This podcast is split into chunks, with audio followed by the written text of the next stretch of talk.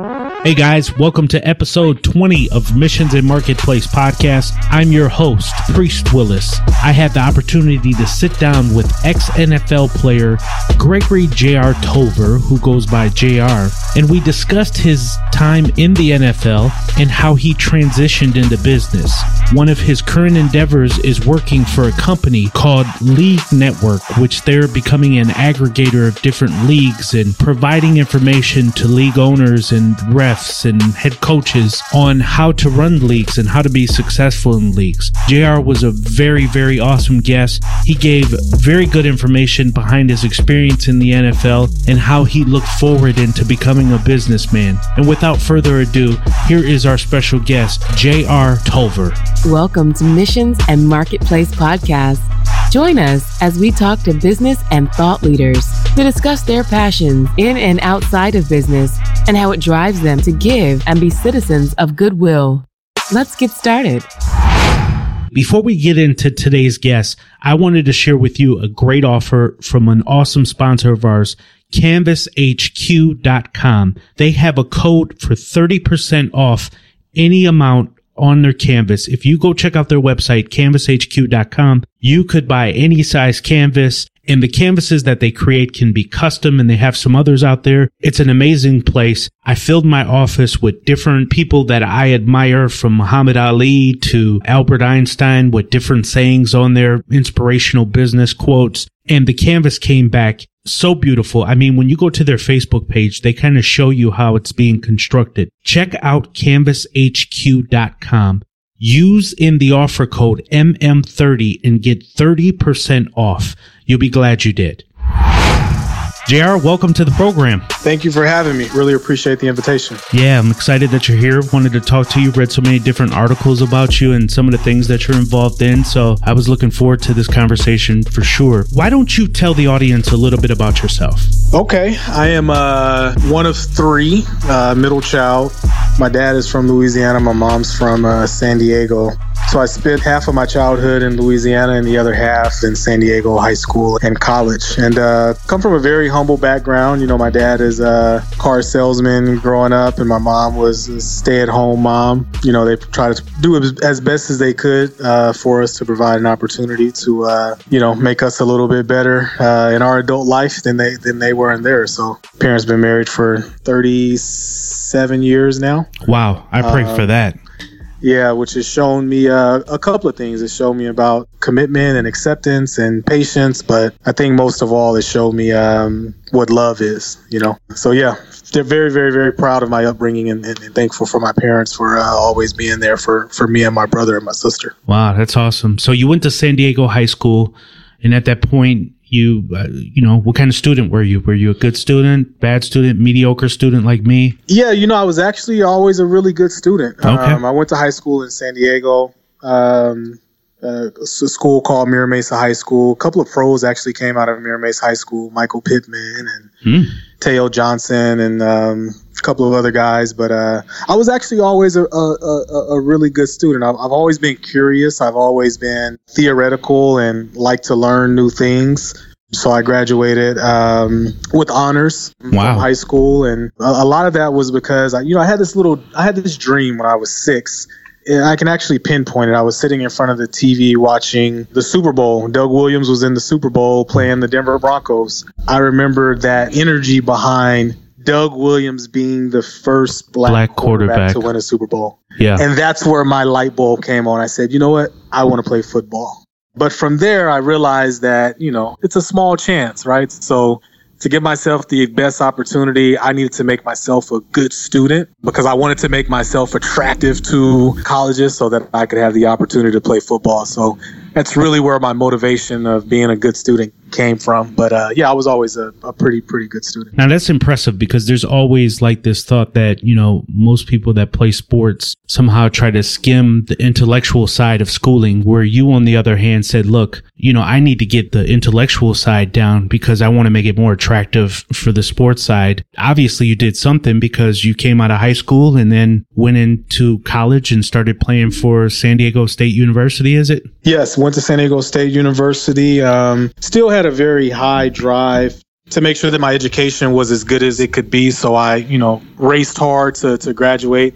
Um, graduated in four years, although I was on a uh, five year scholarship and started my master's in my fifth year. But once again, you know, it's, it's I've never been the biggest or the strongest or the fastest. So the way that I, my value proposition as an athlete, my differentiator was this guy is smart. Uh, this guy is competitive, not only on the field, but in the classroom. So maybe he doesn't run as fast as, you know, Joe from Florida State, but this is a guy that we know can learn the plays, uh, will stay out of trouble, and uh, we're going to take him over Joe, who maybe runs a half a step faster than him. That was always my my thinking when it came to using school as a way to make myself attractive in sports. Wow, that's really good. And I mean, you'll notice like through the leagues, even outside of football, baseball, whatever, it's the guys that kind of think through the game where it begins to slow down for them and they, they keep the passion intact that they tend to be better at it than even those people with raw athleticism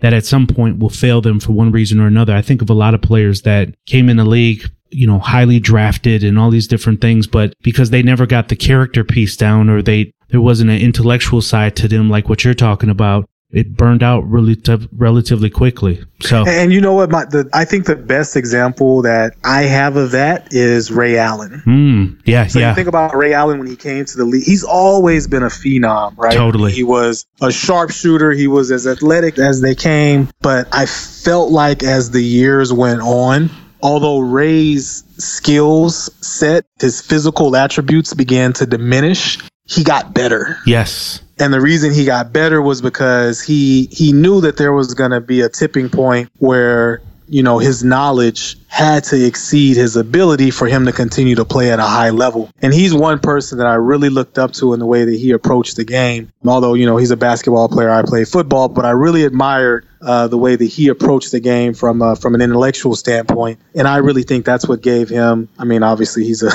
he's a heck of a shooter, but that's what gave him that extra seven and eight years of of dominance. Even though his jumping ability and all that other stuff maybe uh, maybe left him a little bit. Totally. That's a great example because I, I I was born and raised in Milwaukee, Wisconsin, and he was drafted by the Bucks, and there was some other things going on outside of what probably he could control, but he he is a prime example of kind of a pros pro where you know he knew to eat the right things and Absolutely. say the right things and play the game a certain way that kind of outlasted, like you were saying, the other guys that kind of just shot out and were supposed to be the the stars, and everybody was you know ordained baby Jordan or something like that, and they burned out right. quickly. So Absolutely. I, I think your approach is exactly one of the reasons why I wanted to talk to you. And I think this makes perfect sense as we begin to uh, transition into the fact that so you come out of San Diego State University, you go into the pros, and now you're in the pros for a few years. Why, why don't you talk about that? Did you, while you were in the NFL, did you see like, hey, the NFL isn't going to be forever. I need to be plotting on some other things, or or where was your head at when you were when you got into the NFL? I mean, the writing is on the wall as soon as you put the cleats on. And, and I put the cleats on at seven years old, and the writing was on the wall when I was seven years old. Wow. Uh, you're going to die, right? Your, Yep. your first love, your sport, at some point, that part of you is going to die. It's, Mm. it's not a matter of if, it's just a matter of when, right? Mm. So, so what I, what I say is, you know, it doesn't matter if you play three years or 13 years, what are you going to do after, after you die? Right. You know, are you going to leave yourself in a position where, uh, you know, some people actually die physically and leave their family in a bad position because they have a lot of debt or they have a lot of loose ends that they didn't tie up when they were alive. Um, and, and that was really my focus was, you know what? I know that my career is going to die at some point. I want to make sure that when it's done, that I don't have a bunch of loose ends that don't allow me to take the next step into that new life. So I was all I always thought about, you know, I, I always knew I wanted to be a businessman. I knew I wanted to own my own business, uh, run my own business. Due to the laser focus that I had in football, I didn't really get a chance to sharpen my skill set as a businessman through Yep. Accounting and marketing and all that stuff like other people did. Did you But do my did you do any investing while you were in the NFL or did this kind of business acumen kind of turn on a switch after a couple years or so? You know, I did I did a little a little bit of investing, but but not much. A- And the reason it was because of probably ignorance is the right word. Sure. I didn't really know and understand all the functions that would make you win or lose when it came to money. And I had worked so hard to get to where I where I had gotten that I didn't want to take a risk on something that I worked, you know, 18 years to get Right. without being educated enough to, you know, be able to understand all the risk involved. Um, that being said, I, I did start reading a lot. I would go to different seminars in the off season just to try to get my knowledge base up. But I'll be honest with you, when I was in the NFL, um, I was really focused on playing football. Right, Um, one right. thing I did focus on that I think that I always knew would, could be a difference maker after I left the NFL was relationships. Um, I knew that everybody that I met, everybody that I spoke to, didn't matter who it was,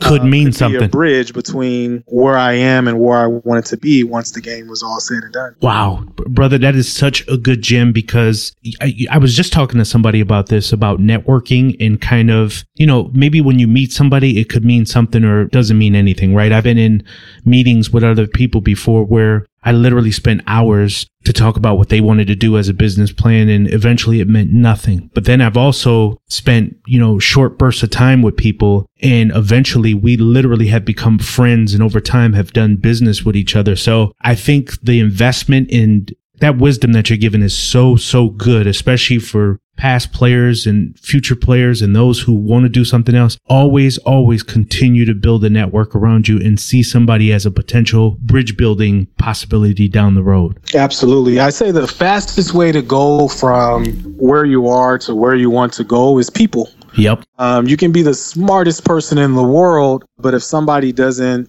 believe in you or know you or uh, understand you a little bit better than, you know, the second smartest person in the world, you may or may not be given an opportunity that you're well qualified for. So having conversations, being a nice person, right? Taking Yep. interest in people, taking the time to, you know, put yourself on the back burner to really understand where people are coming from, what makes them happy, some of the things they're going through, some of the ways that, you know, you can help them achieve their goals, I think is the best way to indirectly um, accomplish everything that you want to accomplish as well. You know, so you're you're in the NFL. You're you're coming down a little bit into now you're past being a rookie, and you've seen a couple of teams. Is there any concern about your health, or was the, is this new phenomenon about concussions or people being more conscious and players retiring earlier? Is this something different, or was that even back then a concern? Like, hey, I'm going to get my money. I'm going to try to get guaranteed contracts, and then I'm going to build businesses outside of this, or was that still you're still just focused on football? Well, I mean, you know, obviously, and I think this is uh, it's an issue for players. It's the thought process of there's two things. Uh, why do I need to save money when I have money? Yeah. It's, it's kind of the first trap. The second trap is uh, it's always going to be like this. And to pick up that, you know, fourteen thousand dollar check every single Tuesday, that is not reality, right? Mhm. to give a team to give you $75,000 to sign your name on the dotted line. That is not reality, right? But if mm-hmm. that's your first engagement with quote unquote the real world, You think it happens uh, forever? Then you think it happens forever, right? And then it gives you a false sense of value, right? So mm. you say, okay, well, if I leave the game, it'll be pretty easy for me to go out and get a job, you know, making less than what I make now, but also still make enough money to do the things that I want to do. So, okay, my rookie salary is 225,000. Okay, you guys cut me. I'm just going to, you know, go and find a job that pays me 125,000 and I'll be okay. Well, it doesn't work like that right. right? Those are the setups. The setups are, you know, at least the way I see it is, you know, not really understanding that the reality that is your reality is fiction. And if you don't protect yourself in a way, like I said, by building relationships, by saving money, by doing the things that, you know, will let you live once your career dies, you find yourself in a, in a bad spot. During the times that you were playing, did they have rookie symposiums and stuff like that that kind of taught people about finance? Because I know you taught at one, which was really cool. And Right. um, but but did they have that for you when you were first coming in? Yeah, we, we, we had a. I think the NFL has uh, gotten a lot better at making their athletes uh, more well rounded. I think when I played, it was very focused on fear. Uh, the fear of The next guy. somebody taking advantage of you, the fear of, you know, it's just all the bad stuff that could happen to you because you're on this platform and somebody wants to knock you off. Right. Um, so the symposium that I went to was all about right how to protect yourself, and I think that they're doing a better job right now of not only you know continuing to tell guys how to protect themselves, but also how to grow themselves off the field, just like they do in the weight room uh, or in the training room, uh, so that they can grow on the field. So Jr. Now you are coming out of the NFL, and you can kind of see that okay, I'm wrapping up this chapter of my life. Now I want to move into those business things that I couldn't do because I was focused on football. And where were you at in your career between that transition and what was the next step for you? Was it the Global Green Enterprises? What did you move on to right coming out of the NFL? Out of the NFL, um, I was I had an injury uh, my last year in, with the Dallas Cowboys, um, so I missed the entire 2006 season with the turf toe injury. Um, at the end of the year, I still had the, the the desire to play, but I hadn't had any calls. So then I went to Canada and I played a year in Canada and that's when I said, okay, this is coming to an end for me. I need to start, you know, actively making this transition. So when I played a year in Canada, I just started reading and and, and looking for entrepreneurial, you know, activities there was two things that I wanted to do, and, and I was inspired by my high school football coach. I wanted to own my own business, and I wanted to coach in high school. Got Uh, it. my high school football coach owned a driving school, which I actually worked at when I was at college, and I thought that was really cool. I thought it was cool that he could, you know, spend his day uh, yelling at us, um, but also wasn't a slave to the uh, small salary that states pay you to be a teacher. So that was my goal. My goal was to start a business, find a business, be a businessman so that I could go back and uh, contribute at the high school level. God blessed me to be able to do both of those really at the same time. Because after I left Canada, um, I got a call from my agent and he said, so I'm sorry, let me back up. So when I was in Canada, I was reading Entrepreneur magazine. I saw this ad from Environmental Waste Solutions. It said, business to business consulting. You can do it out of your home until you don't have to anymore. Okay. Small fee We'll teach you how to do it. It's a great market. What do you think? Was it like a franchising type thing? It was basically a franchise model. So I became an affiliate office. I paid uh, $35,000 to become an affiliate of Environmental Waste Solutions. And then I started building this uh, waste consulting business out of, uh, out of my kitchen. So I started that business in January of 2008. In November of 2008, I got a call from my agent and he said, Hey, JR, I know you're working on this business. Um, but I just got a call from a high school. They're looking for a football coach. You and I have had these conversations before. Are you interested? And, I- and I don't think I was quite ready where I was in the point of my business, but I'm always interested in talking about opportunities. So I met with the school and um, they liked me. I liked them. And February of 2009, I became the uh, head football coach and and athletic director at a Sage Hill School in Newport Beach. I had the opportunity for six years to run my business and be a coach. So you became like the coach that you had in high school. You kind of had your side thing going, and and then you were coaching high school football yourself. exactly. Now, granted, my goal was to, you know, go to the NFL, make about $20 million, and then coach high school, right? So, right. so I was, I was, uh, I was two for three. you were close. You were you were close. Yeah, you hit two for three in the, the majors, you you play forever. So for me, I'm good. I was two, I was two for three. So are are you still involved, whether loosely or otherwise, in waste management to some degree? I am not. Um, I think that that taught me how to be a businessman. And and I read a book called The E Myth, right? The Entrepreneur's Myth. And, and that book basically says just because you're good at something doesn't mean that you can do it as a business, right? so people people uh, you know, a good baker starts a bakery and um, becomes a slave to the business as opposed to the business being a, an added value to the life. So so I really wanted to learn business through a lens of of a good business model, right? Right. So I thought, what's better than trash?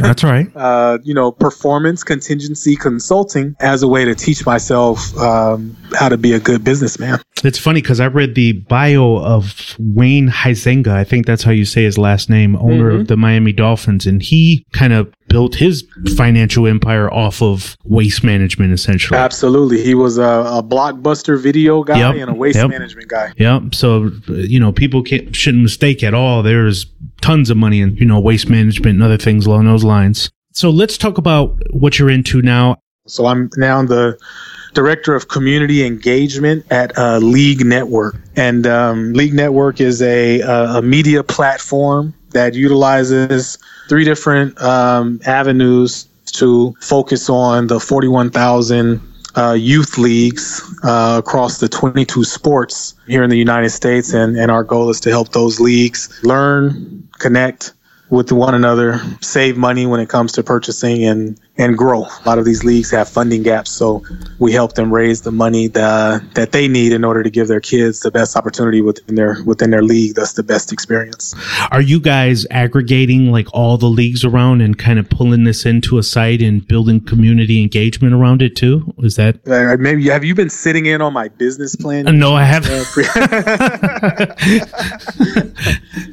Yes, that's exactly what we're doing right now. This is a very disenfranchised market. There is no one place where youth league managers can go to yep. uh, to learn, connect with other leagues, save money on on you know procurement, and um, try to grow their league. You know, it's all Google. It's all disenfranchised. So we are are, are pulling together a very very big market and we're using um, the opportunity for sponsors to uh, to be a part of that part of this marketplace that we're that we're actively pulling together. I definitely think there's opportunity out there, and we have small business listeners to this program and people along those lines that. I'm sure would be interested in something like that. You know, and there's there's affiliate relationships there's too, right? Businesses that uh, may want to reach out to you guys and feature their products on there, so that these programs can kind of you know connect in one kind of a one-stop shop type of thing absolutely and, and you know we have 22 different uh, product categories that we feel as if uh, league managers uh, across all sports uh, they need. They need uh, photography and video. Mm-hmm. They need awards mm-hmm. and trophies. They need, mm-hmm. um, you know, all these different things. It's, it's, difficult for them to, as a volunteer league manager, the dad who got pulled into becoming the coach.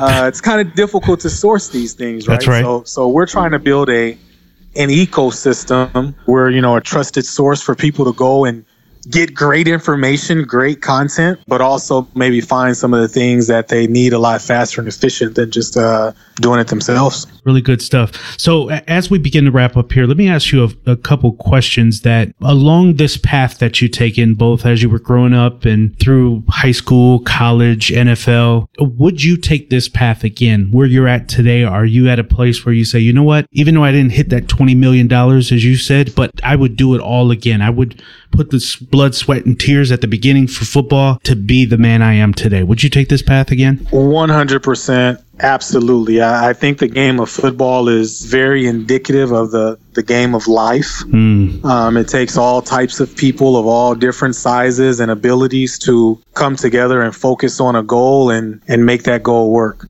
Um, I would do absolutely nothing different. I think that, you know, me coming out of the game and forcing myself into entrepreneurship, although I was a lot greener than, than what I thought I was, was the best way for me to learn, you know, how to win and how to lose. Uh, yeah. Uh, to be honest with you. One of my coaches, uh, when I was in with the Cowboys, uh, Bill Parcells, uh, would always say, protect the ball, protect the ball. Protect the ball when you don't think you have to protect the ball because it's not the person that you see that's going to knock the ball out. It's the person that you don't see. And I think for me, that's that's what business is, and that's why it's not your idea, it's not your talent, it's not you know what you think the market is. It's everything that you can't see that can either cause you to or can take victory away, take victory away from you. And that just tells you you, you got you got to keep learning, right? Mm-hmm. You have to you have to keep reading. You have to keep looking into new things. You can't get comfortable. Um, you have to try to make you know yourself a little bit better tomorrow than you were than you were yesterday. And and those are all the things that sports taught me in the beginning. And that's exactly the way I've approached my uh, my corporate and my my entrepreneur endeavors, um, and and we'll continue to, to to approach it that same way. That's good stuff. I, I can totally see how sports can do that for someone. I read a book years ago called um, "Business is a Contact Sport," and it used to draw some parallels between football and you know in business how you're going to find some of the same people. You know they're after you because in some sense you have the ball in your hand, right? So that's a great parallel. Let me ask you this: who who's inspired you? I mean, even to this day, who ins- who continues to inspire you? Sounds like your high school coach was one person, but who are some other people that really kind of formed JR, the man that we see today? My father. Um, I saw my father for 18 years do something uh, that he absolutely did not like to do because he had responsibilities to take care of which was go to work every single day. He'd call it bell to bell from 9 a.m. to 9 p.m., selling cars so that his three kids and his wife